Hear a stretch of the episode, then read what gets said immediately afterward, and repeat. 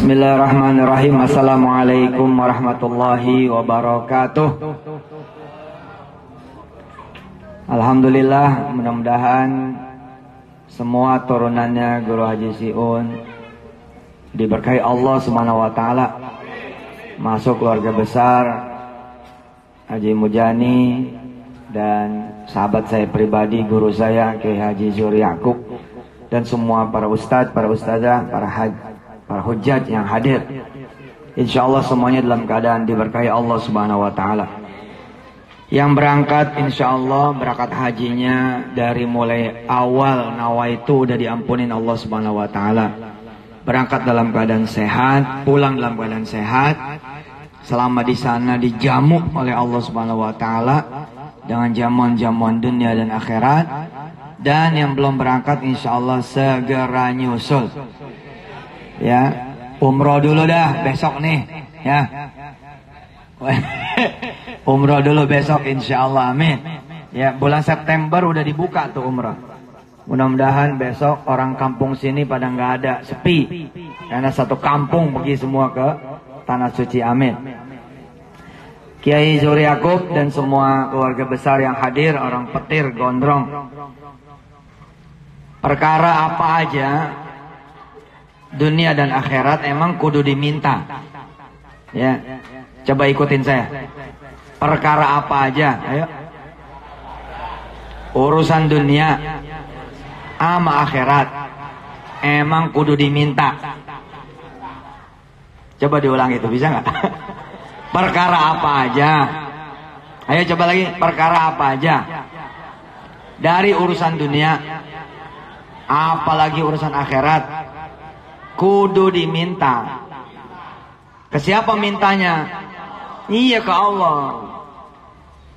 Kalau orang nanya sama saya gitu, tat ilmu lu ilmu apa sih? Gampang saya mau jawabnya, ilmu minta udah.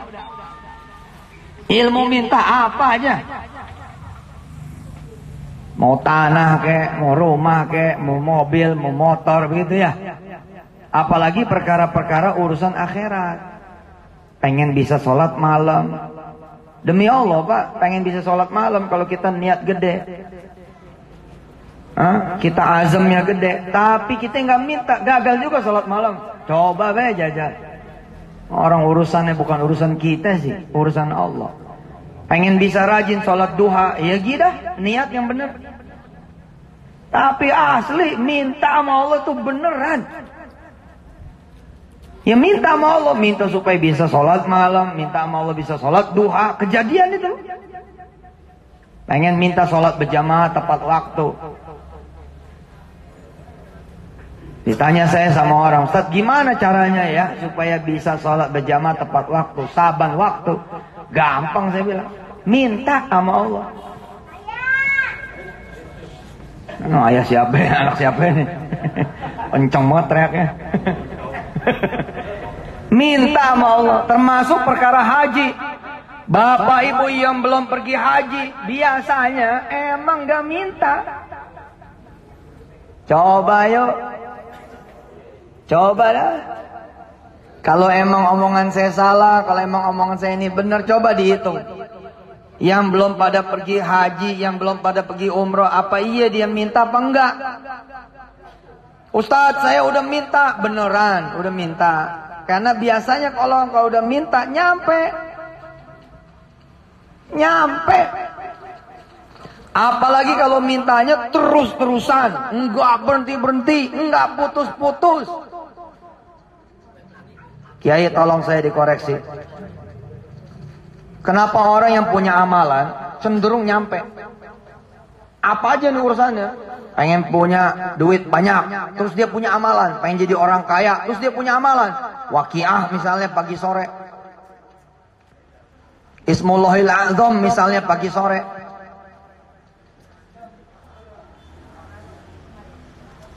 Solawat misalnya pagi sore. Dihajar, ditembak 40 hari nggak putus. Sebenarnya mah ya letaknya selain memang amalan itu yang memang bertuah, letaknya adalah akhirnya dia minta terus-terusan.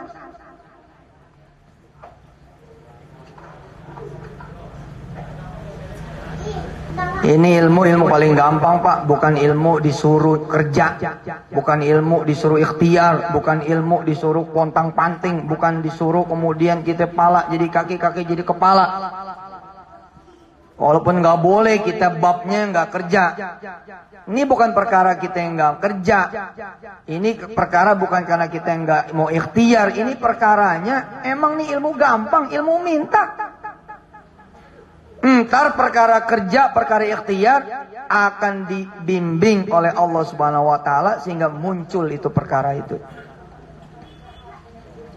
Saya jaga toilet kayak Ustadz, para haji, para hujat. Saya jaga toilet. Saya mikir di kali terus tuh tahun-tahun berapa itu? Saya tanya kan, eh dapatnya berapa nih jaga toilet? Gitu. Nah, kata teman-teman yang sip-sipan kan sip-sipan tuh. Paling goceng gitu. 5 ribu. Paling top 10 ribu. Jadi 10% dari pendapatan itu buat yang jaga toilet. Atau saya iseng begini. Masa iya sih jaga toilet goceng. Ah, lah gedean jadi office boy. Gedean jadi tukang bersih toilet. Tukang bersih toilet nggak perlu ngejagain segitu gajinya. Lah kita ngejagain juga, bersihin juga masa segitu? Gitu. Lah saya nggak percaya, saya iseng saya bilang sama teman-teman itu itu. Saya bilang, insya Allah kalau gua yang jaga nih, ah, kalau gua yang jaga gua bilang seratus ribu, gitu. 100 ribu kan tahun 98, 99 gede itu ya. Gede banget. Terus teman-teman nanya, Nggak mungkin kalau 100 ribu berarti kita perlu sejuta. Penghasilan nih toilet perlu sejuta. Ah, waktu itu saya bilang begini, kalau gitu jangan 100. Sekalian aja 300 ribu, atau 500 ribu, atau sekalian sejuta, diketawain. Gak mungkin. Loh, dari mana ceritanya nggak mungkin? Nggak mungkin. Kalau kita sejuta, berarti penghasilan nih toilet 10 juta. Saya bilang, gua tahu caranya bikin mungkin. Gimana caranya? Ya minta mau lo. Kalau ada orang bilang lo minta doang, enggak, enggak minta doang. Kan gue jaga toilet. Perkaranya adalah banyak orang yang jaga toilet nggak minta mau. Seperti orang banyak yang buka sawah nggak minta mau Allah. Banyak orang yang bertani buka sayur mayur pertanian sayur mayur nggak minta sama Allah. Banyak nelayan dia pergi belayar tapi dia nggak minta sama Allah. Banyak orang yang buka warung nggak minta sama Allah. Ya udah, dia punya rezeki yang dia kasapkan, tapi dia nggak punya rezeki yang dia minta. Yang dia minta bisa jadi jauh dari urusan kasap. Tadi saya dengar nih awal mukaddimah dari Kiai Zuhri guru saya. Mudah-mudahan bisa memotivasi yang belum berangkat supaya bisa berangkat Berangkat. Nah supaya bisa berangkat asli pak. Coba deh jajal. Minta sama Allah. Nah, saya ingat tuh peristiwa 98 atau 99. Saya bersihin toilet, kemudian saya sholat di musola kayak situ di dalam tuh. Itu punya Haji Swardi waktu itu. Saya sholat dah, habis sholat saya minta sama Allah ya Allah, saya minta nih yang lain bawa duit biasanya lima ribu, sepuluh ribu. Juarang banget bawa tiga puluh ribu. Saya pengen bawa minimal seratus ribu. Syukur-syukur tiga ratus, syukur-syukur lima ratus, syukur-syukur sejuta. Alhamdulillah. Izin Allah subhanahu wa ta'ala. Biasanya yang punya toilet itu kan toilet yang punya orang lain. Nggak pernah datang pak. Lah hari itu yang punya toilet datang nemuin saya. Mana katanya? Katanya buyut guru Mansur yang jagain toilet. Hebat amat sih buyutnya guru Mansur bisa jaga toilet, pengen jaga toilet, bisa. Kemudian mau jaga toilet gitu. Lalu terus dia ngelihat saya. Nah, saya cium tangan sama dia. Sehat, Haji. Sehat. Ngapa lo mau jadi tukang jaga toilet? ya lagi begini episodenya gitu sih bilang terus pamit masih pagi masih pagi apa kata yang punya toilet Dikantongin, diselipin di kantong. Ini buat enteh gitu. Begitu aneh buka izin Allah nih cerita. 250 ribu. Masih pagi. Terus orang pada ngebantah. Apa kata orang? Itu kan karena lo emang si Jam'an. Ah, lo gu, buyutnya guru Mansur. Saya bilang enggak Ji. Kalau waktu itu gua nggak berdoa, nggak datang juga dia. Pertama, emang yakin dia itu beneran yang punya toilet? Beneran bos yang punya toilet? Enggak bos, mana ada yang yakin? Maksudnya mana ada yang bener-bener kok terkonfirmasi bahwa dia itu manusia? Belum tentu dia manusia. Bisa jadi sabab kita berdoa muncul malaikat Allah yang menyerupai manusia. Gitu. Pokoknya pengen nyelipin aja begitu. Sekali waktu temen Ana tuh ada yang kemudian ngejabanin. Masa sih? Beneran apa tuh si Yusuf? Dengan berdoa kita bisa nyebut berapa aja kita mau. Dia jajal pak, dia minta nggak tanggung-tanggung 9899, dia minta 10 juta. Lah dari mana judulnya coba 10 juta? 10 juta itu kan berarti harus 100 juta. Baru dapat 10%, baru dapat 10% alias 10 juta. Tapi dia jabanin tuh, dia wakiah pagi, wakiah sore, dia solawat pagi, solawat sore. Hah? Dia minta sama Allah, bener-bener minta 10 juta. Alhamdulillah pak dijabah tapi cara jabahnya memang Allah punya rencana apa kata yang punya toilet eh kamu cari sendiri di mana terminal yang bisa kita bikin toilet. Kamu saya modalin. Nah modalnya itu 10 juta. Oh coba. Coba andai dia tidak pernah minta sama Allah 10 juta. Izin Allah nih saya cerita. Nggak terjadi kalimat itu. Kalimat itu nggak terjadi.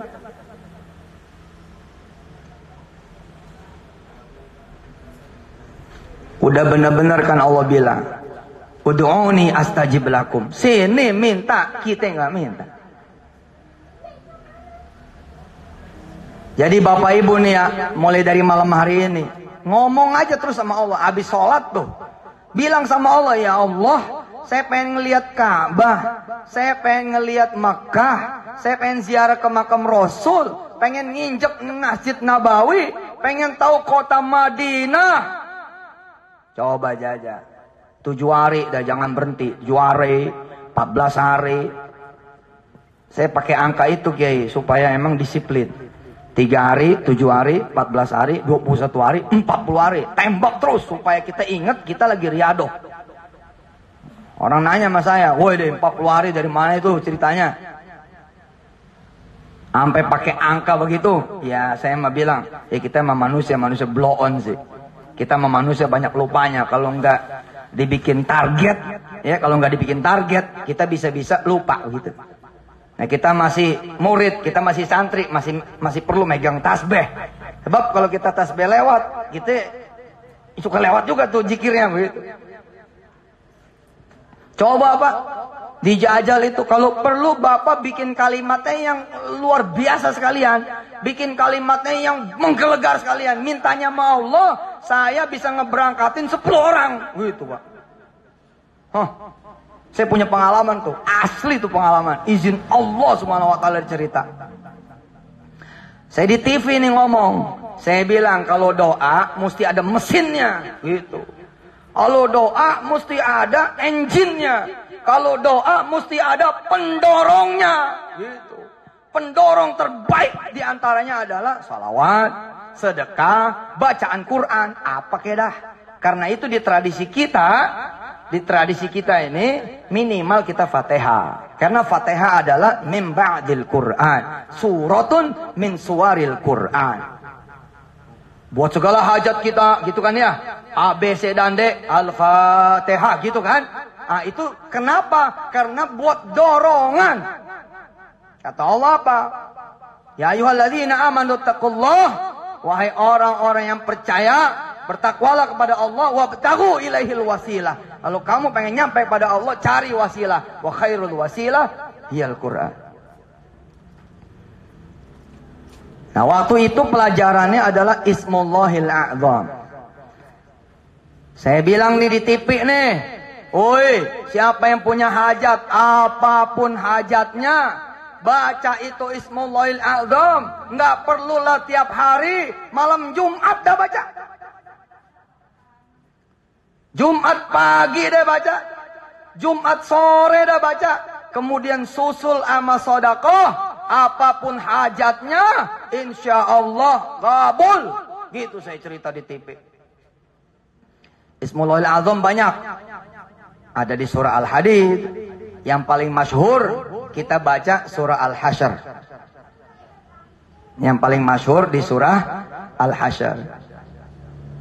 لو أنزلنا هذا القرآن على جبل لرأيته خاشعا لرأيته خاشعا متصدعا من خشية الله وتلك الأمثال نضربها للناس لعلهم يتفكرون. هو الله الذي لا إله إلا هو عالم الغيب والشهادة هو الرحمن الرحيم.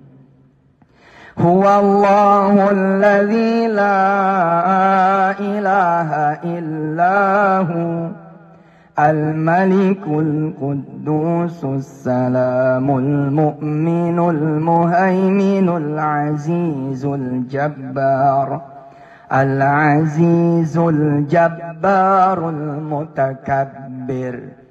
سبحان الله عما يشركون. هو الله الخالق البارئ المصور. له الأسماء الحسنى. يسبح له ما في السماوات وما في الأرض. يسبح له ما في السماوات والأرض وهو العزيز الحكيم Nih orang miskin, nih orang susah, dengerin. Terus dia percaya kayak. Dia jabanin tuh. Dia bilang sama anak-anaknya, ikutin tuh Ustaz. Yuk, kita baca Ismullahil Azam. Terus kita sedekah. Nyempurnain. Ini orang miskin. Bilang sama anaknya. Besok Jumat pagi. Lu panggil anak-anak temen lu. Suruh datang ke rumah kita. Sarapan habis sholat subuh di rumah kita. Sebagai sedekah kita kepada Allah. Kita baca bareng-bareng tuh Ismullahil Azam kemudian kita sedekah dengan cara etimut ta'am, dengan cara kita ngasih makan. Datanglah Jumat pagi teman anak-anaknya nih, 20 anak. Asli nih kisah. Dimuat di Republika ini. Izin Allah nih saya cerita, ketemu sama orangnya di bandara, Pak. Bukan di Bandara Soekarno-Hatta, tapi di Bandara King Abdul Aziz Jeddah. Dan bukan di ekonomi di launch eksekutifnya jeda. Termasuk saya minta sama Allah begini. Zaman dulu, ya Allah saya mah pengen naik pesawat. Tapi saya pengen naik pesawat, kagak mau ekonomi. Dari dulu minta begitu. Dan sampai hari ini saya juarang banget naik ekonomi. Naik ke bisnis terus.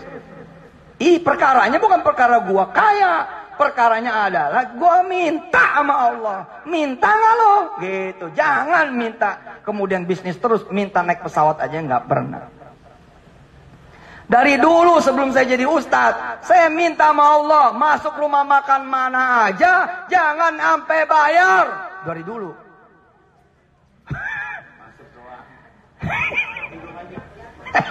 Masuk doang dia kata. Bener. Ya Allah sakit hati jadi orang susah. Betul nggak? Sakit hati jadi orang miskin pak. Zaman dulu saya masih susah. Izin Allah subhanahu wa ta'ala. Pengen makan sate padang. Gua nabung tiga minggu. Susah amat sih gua makan gara-gara gua nabung. Akhirnya ketemu ilmu minta nih. Ya Allah iya. Semua milik Allah. Lillahi ma fis samawati wa ma fil ar. Semua milik Allah. Kenapa saya enggak minta? Sekali minta ngangkat tangannya begitu. Ya Allah, saya mau masuk warung mana aja, jangan sampai bayar. Itu. Masuk doang nggak bayar ya. Alhamdulillah loh. Kejadian sampai hari ini saya masuk warung mana aja. Makan di mana aja. Mau di restoran pinggir jalan, warung kaki lima, sampai kemudian di restoran berbintang lima, sampai kemudian bukan di dalam negeri tapi di luar negeri. Nggak pernah ada sejarah yang saya bayar. Bini yang bayar. Emang juga Ustaz. Nggak ada sejarah kita bayar. Ada baik urusannya. Ada baik judulnya. Kadang-kadang yang punyanya jamaah. Kadang-kadang ada orang di sana yang mengenal saya. Sampai hari ini. Eh barusan saya makan di restoran Padang. Sebelum kemarin. Makan dulu tadi kita. Buka puasa. Makan. Lah gue cuma duduk doang Ji. Duduk doang ditaruhin makanan coba tuh bukan main dong gue bilang ah dikabul sama Allah ah saya duduk doang bu duduk doang iya duduk doang ya Allah dijabanin sama Allah diturunin makanan saya makan aja terus saya bilang Mas Ariman kan man nih gue minta duit itu dikasih tuh Mas Ariman Berapa duit cat? Ya berapa kek? Urusan makan emang berapa sih? Nih pak, tuh nggak kepake duitnya. Tuh nggak kepake. Udah, udah, selalu begitu, selalu begitu. Gitu mau bayar nih, mau bayar nih. Ah, mas sini. Gitu. Datang. Udah dibayar Pak Ustad. Memang gua udah tahu.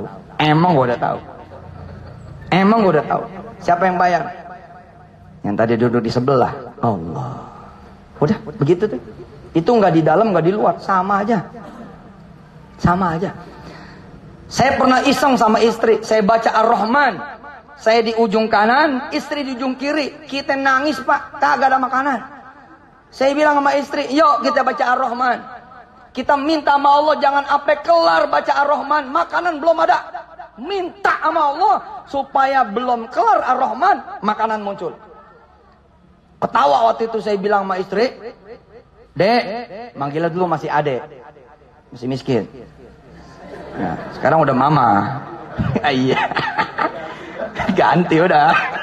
Saya bilang, Dek, kita baca Ar-Rahman. Kalau sampai kurang Ar-Rahman, kita baca salawat. Nanti di atas meja muncul, plok, itu makanan. Gagah bener dah, kita baca Ar-Rahman tuh ya Haji. A'udzu billahi minasyaitonir rajim. Bismillahirrahmanirrahim. Sambil megangin meja. Kita minta sama Allah, ya Allah, saya mau baca Ar-Rahman. Tolong, sebelum nyampe Ar-Rahman habis, ini makanan harus ada. Ini makanan kudu ada. Ini makanan kalau bisa ada. Kenapa? Belum makan. Eh, enak kan minta. Bener pak, belum habis tuh Ar-Rahman. Mertua datang. Murhadah tuh mertua datang. Assalamualaikum, non gitu. Non, non, non gitu. Nggak tahu kan siapa yang ngirim betul Hah? Kita jawab nih berdua dari dapur. Di belakang mak. Dia datang. Dia nanya. Udah makan loh. Gitu. Belum lagi ngaji. Mertua saya bilang gini. Ngaji di dapur. Gitu. Dia nggak tahu kalau kita lagi ngajiin nasi. Lagi ngajiin lauk. Bener pak kita terusin ngaji. Mertua ngambil piring. Mertua kemudian nurunin dari bungkusan ke piring dan mertua menghidangkan. Habis itu apa kata mertua? Dah, gue pulang ya. Gitu. Subhanallah. Pertanyaannya, apa iya itu wajib mertua? Belum tentu. Dalam akidah kita, iman kepada malaikat, belum tentu yang datang itu mertua. Bisa jadi ini mertua jadi-jadian. Ayo ikutin saya, ikutin, ikutin. Innalladzina qalu Ayo. Rabbuna Allahu Thumma istaqamu تتنزل عليهم الملائكة ألا تخافوا ولا تحزنوا وأبشروا بالجنة التي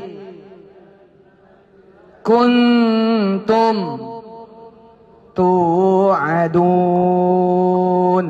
apa kata Allah? Yang penting kamu yakin, kamu percaya, aku turunin malaikat-malaikatku. Kau coba deh, cakep banget. Hmm. Minta pak, minta.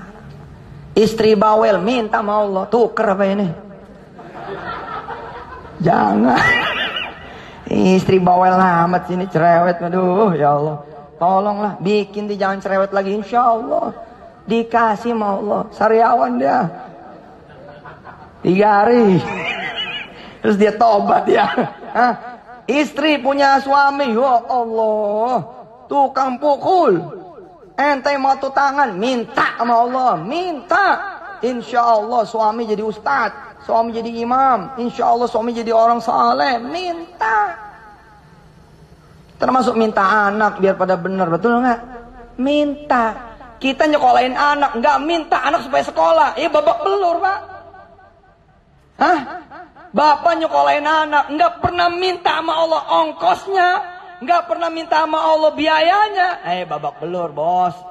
Jangan jangan sampai nggak minta itu. Bilang sama Allah, ya Allah saya punya anak nih, jangan sampai nggak kebiayaan. Ah, gitu. Hah? Hah? Mau sekolah di mana kayak ini ya Allah? Ini orang-orang tua kita zaman dulu minta, Pak. Bahkan dia gadangin kita anak-anaknya biar kebiayaan. Anak zaman dulu kita ini. Dari orang-orang tua zaman dulu kerjaan minta mulu. Minta terus sama Allah. Anaknya ujian dia minta supaya anaknya lulus. Dorong lagi mau puasa. Betul nggak? Anaknya mau ujian dia yang begadang. Baca Yasin sampai 41 balik. Begitu zaman dulu. Hah? Orang sekarang enggak. Prosedur. Gitu. Prosedurnya diikutin. Doanya kagak. Cerita penutup. Nah, orang petir nggak demen lama-lama ini. Ya kan? Pokoknya ada panasnya pantat dia. Main pulang aja. Pokoknya Ustadz terlambat dikit gue tinggal gitu. Orang petir. sama. Sama orang ketapang gitu. Ah, Ustadz mah kalau terlambat gue tinggal begitu. Makanya gue bilang, udah jangan sampai jam 9 nih. Ya, jam 9 tag kita datang. Alhamdulillah. Tadi gue lihat jam 20.53. Masih ada 7 menit. Alhamdulillah. Jujur Pak, demi Allah nggak bohong saya. Kenapa bisa nyampe tepat waktu? Kita minta sama Allah. Lah kita ngelihat waze Pak, merah semua. Innalillahi wa inna roji'un. Lah kalau merah semua nih kita bangsa nyampe nya berapa? Saya tanya Mas Ariman, "Mah, nyampe berapa ini?" Nah, kalau normal begini 56 menit. Waduh. Kita baru bertolak jam 20.34. Lah kalau tambah 56 menit jam berapa judulnya? Ya udah. Ah, kita salawat dah. Hah? Allahumma salli wa sallim wa barik ala sayyidina Muhammadin wa alihi wa ashabihi wa ummatihi ajma'in. Salatan tunjina biha min jami'il ahwali wal afat wa taqdi lana biha jami'al hajat wa tutahhiruna biha min jami'idz dzunubi والسيئات وترفعنا بها عندك أعلى درجات وتبلغنا بها أقصى ghayat min jamil khairati fil hayati wa ba'dal mama innaka sami'un qaribun mujibud da'wat ya qadiyal hajat terus saya buka WA-nya ke Zuhri saya suruh Allah baca ya Allah baca nih ini ini bukan WA nih ini ancaman kata ke Zuhri jangan pelewat orang petir kalau lewat ninggalin itu, WA-nya begitu waduh kacau nih ke Zuhri nih jadi saya bilang sama Allah, ya Allah kalau engkau redo, tolong saya nyampe nya sebelum jam 9. Alhamdulillah Allah redo. Lah kalau saya nggak doa apakah saya nyampe? Nggak yakin saya. Wazir udah bilang 56 menit. Merahnya merah sampai seujung-ujungnya merah. Alhamdulillah tuji. Begitu kita mau masuk tol, Sariman bilang, jangan lewat atas tat, bawah aja. Jadi dia keluar lewat bawah, set gitu. Bukan maksudnya nggak masuk tol kanan, lewat bawah, lewat Tomang, nggak ketemu macet. Ah, sama sekali nggak ketemu macet. Ser aja begitu. Subhanallah. Cerita penutup, cerita tadi nih orang miskin.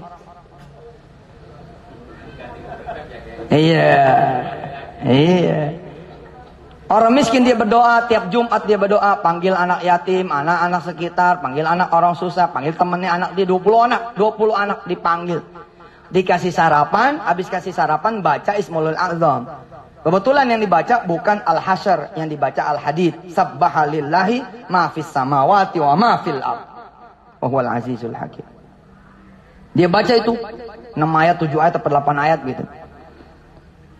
Begitu habis baca, doa nih orang. Ya Allah, mudah-mudahan saya, nih dengerin nih. Nih, kita kalau kalau enggak yakin sama Allah nih, masa iya Ustadz saya kalau berdoa bisa pergi haji? Jangan lu sendiri, lu sekampung bisa. Apa iya Ustadz kalau saya berdoa saya bisa punya rumah? Jangan lu minta rumah, lu minta perumahan aja bisa. Apa iya Ustadz saya kalau misalkan saya berdoa nih, ah, saya bisa nyekolahin anak. Jangankan lu bisa sekolahin anak, lu bisa punya sekolah. Tergantung permintaan lo apa. Lo bisa nyekolin anak, ya dapatnya nyekolin anak. Tapi kalau kita doanya punya sekolah, ya punya sekolah. Mau kayak apa bodohnya juga punya sekolah. Apa iya Ustadz saya bisa nyantarin anak? Doanya dirubah aja Ji, kalau lo nggak percaya. Rubah sekalian doanya. Apa doanya? Ya Allah kasih saya pesantren aja dah. Gitu. Ini orang doa Pak. Doanya begini. Ya Allah berangkatin saya istri saya, tiga anak saya ke tanah suci. Yang amin banyak. Amin. Yang 20 anak. Sadar yang amin banyak, dirubah Ustaz doanya. Dia ganti itu doa. Ya Allah, saya ralat. Doanya diralat. Berangkatin saya, istri saya, tiga anak saya dan dua puluh anak yang ada di rumah saya ke tanah suci. Aminnya meningkat, Ji. Amin gitu. Begitu pada pulang diketawain nama bapak ibunya. Alah, dia aja belum tentu berangkat, lu lagi gitu. Berjalanlah tuh doa. Tiap Jumat pagi sarapan bareng anak-anak sebagai sedekah dan baca Ismul Azam tiap Jumat dapatlah bulan ke-8. Saya waktu itu sama Haji Damanhuri almarhum wartawan Republika. Dengerin cerita ini Pak, sampai geleng-geleng kepala. Allahu Akbar. Jadi Ji, ada anak di luar 25 anak. Iya, Ustaz. 23 anak, 20 anak-anaknya orang lain yang setiap Jumat pagi istiqamah. Yang tiga anak saya Ustaz. 23 semuanya. Jadi ama antum nih dua. Antum dinaikin di bisnis. Iya tak. Khusus aneh sama istri aneh. Naik di bisnis. Aneh sama jidaman bisnis. Luar biasa. Terus saya tanya. Udah jadi orang kaya loh gitu. Belum. Tetap jadi orang susah. Kenapa? Karena gue lupa minta jadi orang kaya. Eh bener. Nggak semua orang miskin minta jadi orang kaya. Nggak kepikiran. Tanya sama yang ngontrak, apa dia kepikiran? Buat beli rumah kontrakan? Enggak, Pak. Yang dia doa begini, Pak, ya Allah, jangan sampai saya nggak bayar kontrakan. Itu doanya. Betul apa betul? Coba kalau dia berdoa, ya Allah, saya bosen jadi orang susah. Ya gitu, biarin dah, biar saya beli aja nih rumah kontrakan. Insya Allah dah, sama rumah yang punya lagi, gitu. Nah ini teman kita jamaah dia lupa minta kaya. Maka ketika saya tanya dengan izin Allah nih cerita, ente jadi orang kaya sekarang? Enggak tak, tetap orang susah. Habis saya lupa, 7 bulan, 8 bulan nggak minta jadi orang kaya. Dia mikir, sebenarnya iya juga ya. Kalau saya minta jadi orang kaya, masa iya nggak dikasih? Emang iya? Iya. Kayak Zohri ini, udah jajal belum minta triliun? Belum. Belum mukanya belum triliun. Ya, tapi kalau dia jajal lewat gua. Karena amalnya banyakkan dia, ilmunya banyakkan dia, amal soleh banyakkan dia. Lah kita lewat pak. Kenapa kita udah dapat triliun nih? Karena kita doa, iseng baik 2012 gua doa tuh. Hah? Ya Allah nih masih iya sih nih. Hah? Agung Sedayu melulu nih, Agung Semansur kayak gitu. Iya ketawa. Masa iya sih podo moro mulu, podo mansur kayak gitu. Masa iya sih Ciputra mulu, Ci Yusuf kayak gitu. Alhamdulillah loh. Hah? Udah baca belum tuh di detik.com kumparan sama yang lain-lain. Kita lagi bangun pak, disentul 4,5 triliun. Lah bisa tuh. Gak keluar duit sama sekali pak. Dari mulai beli tanahnya kagak pakai duit. Kagak pakai. Lah kok bisa? Iya karena 2012 saya mulai berdoa sama Allah. Ya Allah bisnis apa aja yang kau kasih kepadaku. Jangan miliar, triliun gitu. Kali-kali lah jadi orang Islam ngomongnya juta mulu juta ya kan. Hah? Saya mau ditawarin tanah 1000 meter. Nggak main udah. Udah nggak main dah. Makanya gue ditawarin 2 hektar baru gue doanya mantap. Ustadz sombong nih, eh jajal pak, jajal nggak ada urusan. Tuhan kita ini maha kaya. Lo yang maha kaya tuh nggak diminta ya kan? Lo yang rugi. Kenapa ada orang kaya misalkan di kampung kita? Lo nggak deketin. Kenapa ada orang kaya di kampung kita yang dermawan? Lo nggak minta. Ya salah lo dong. Nah ini ada Allah yang maha kaya. Allah maha kuasa. Nah kenapa lo nggak deketin? Kenapa lo nggak minta? Gitu aja. Jadi 8 bulan berlalu si orang kaya manggil stafnya. Jadi ada orang kaya di Jakarta manggil staf dia pak.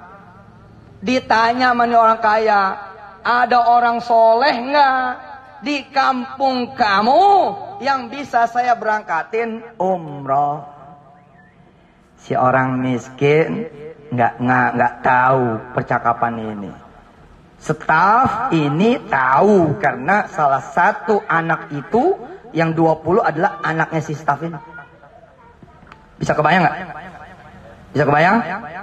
Nah kata si staf tuh begini, ada pak, ada, ada orang di kampung saya, tapi dia bukan ustadz pak, orang biasa, bukan imam, orang biasa. Cuman saya tahu ini orang pengen banget ke tanah suci. Diceritainlah setiap Jumat pagi anak saya datang ke rumahnya selamatan. Berdoa, riadohan, munajatan supaya bisa ke tanah suci. Apa kata seorang kaya? Ya sudah, dia saja. Si setaf ngomong begini, Pak, kurang mantep Pak. Bapak aja langsung datang ke rumah dia. Setiap Jumat dia bikin pak. Kalau mau Jumat besok nih pak, bapak datang sama saya. Datanglah si orang kaya ini ke situ. Habis sholat Jumat di musola, di tempat dia tuh um, apa ada musola kampungnya, si orang kaya ini kemudian main ke rumah si orang miskin yang beriado. Duduk aja di situ. Terus berdoa seperti Jumat-Jumat yang lalu. Ya Allah berangkatin saya istri saya, dan tiga anak saya, dan dua puluh anak yang bersama saya. Bapak siapa pak? Orang mana? Saya orang ya udah pak, bapak saya doain, mudah-mudahan ikut berangkat ke tanah suci. Dia nggak tahu kalau orang itulah yang menjadi wasilah berangkatnya dia sekeluarga.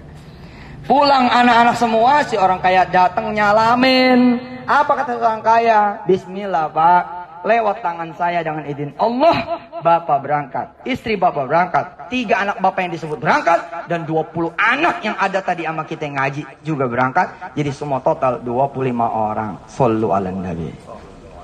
Ayo dah. Ayo. Ayo dah. Ayo mau jadi apa ke dah? Minta. Minta. Teman saya teman kita namanya Effendi. Minta pengen jadi kapolsek. Hah? Minta pengen jadi kapol. Kapolsek. Saya bilang sama Effendi Effendi ngapain lu nyari jenderal? Nyari Allah aja. Ya tapi kan ikhtiar kita Pak Ustadz enggak itu ikhtiar kita. Ke Allah itu ikhtiar kita itu ke Allah. Kalau perlu minta sama Allah Kapolri yang datang ke NT lalu minta NT supaya jadi kapolsek. Dia ketawa tuh Wah, mana mungkin Kapolri datang ke saya lalu minta saya jadi kapolsek. Eh, dijabanin loh sama Allah, Pak. Dia ngedawamin kulillahumma malikal dua bulan didawamin. Alhamdulillah, Pak. Habis ngedawamin dua bulan itu, ada orang ngamuk, Pak. Di Cikokol, tahu nggak beritanya? Pernah ada nggak? Pernah dengar nggak cerita? Ada anak muda ngamuk pagi-pagi habis subuh Lima polisi roboh, Pak. Ditusuk mana anak, but, but, but, but, but, roboh. Ada dengar? Nah, salah satu yang roboh itu Effendi. masuk rumah sah, rumah sakit. Ditengokin sama Kapolri. Bisa begitu ceritanya coba. Ditengokin sama Kapolri, terus Kapolri bilang, hadiah buat kamu, begitu Haji Mujani. Pak Haji, hadiah buat kamu, kamu jadi kapolsek kali jelas coba. Bisa begitu tuh cerita.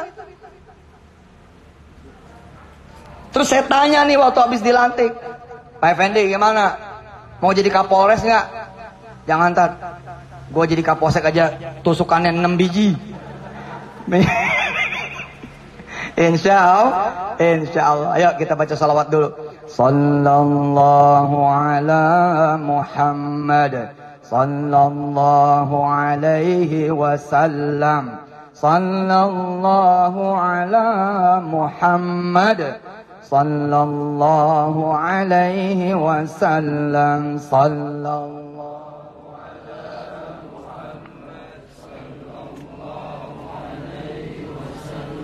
صلى الله على محمد صلى الله عليه وسلم. Angkat tangannya Pak.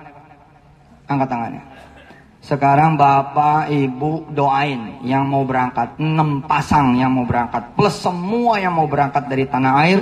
Dan dari seluruh penjuru bumi Allah. Agar berangkatnya insya Allah. Berangkat yang diridai Allah. Yang diberkahi Allah. Selamat dan pulang sebagai hajan yang mabrura. Wasa'yan yang masykura. Dan doa yang makbula insya Allah. Habis itu bapak doa sendiri dah. Ya, supaya bapak berangkat, ibu berangkat, ya ibu berangkat, bapak berangkat berserta anak-anak ke tanah suci. Silakan doanya masing-masing, doanya masing-masing. Saya akan aminkan dari sini. Silakan. Jadi doain yang mau berangkat dan doa buat diri bapak sendiri. Doain yang mau berangkat dan doa buat ibu sendiri.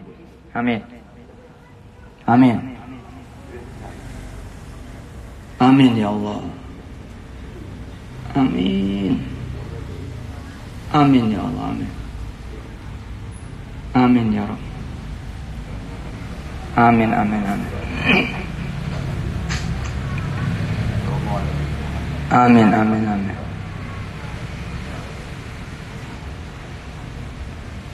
Amin amin. Amin. Minta sama Allah nih berangkat September, Oktober, November, Desember tahun ini juga berangkat umroh bareng keluarga amin. Jangan mikirin duit jangan mikirin duit. Udah minta aja sama Allah. Amin amin. Qabul al-fatihah.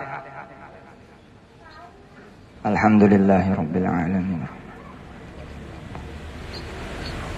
Siratal ladzina an'amta 'alaihim ghairil maghdubi 'alaihim waladdallin. Rabbighfir lana wa lil Allahumma ya Allah bihaqqil Fatihah wa bi karamatil وبسر الفاتحة وبفضيلة الفاتحة تقبل دعاءنا إنك يا مولانا أنت السميع الدعاء وتب علينا يا مولانا إنك أنت التواب الرحيم دعواهم فيها سبحانك اللهم وتحيتهم فيها السلام وآخر دعواهم أن الحمد لله رب العالمين Ibu bapak yang dirahmati Allah, saya masih ada acara satu lagi nih. Jadi minta izin ya, pamit. Mudah-mudahan apa udah ada bungkusannya nih. Bungkusannya apa? Besek besek. Jadi saya pamit ya Ustadz. Para hadirin selamat jalan buat yang mau berangkat dan sampai ketemu buat bapak ibu semua di tanah suci. Amin. Insya Allah mudah-mudahan kejadian ada orang petir yang nanti bisa memberangkatkan 100 orang setiap tahunnya ke tanah suci. Amin. Saya Yusuf Mansur. Mohon doanya juga. Wassalamualaikum warahmatullahi wabarakatuh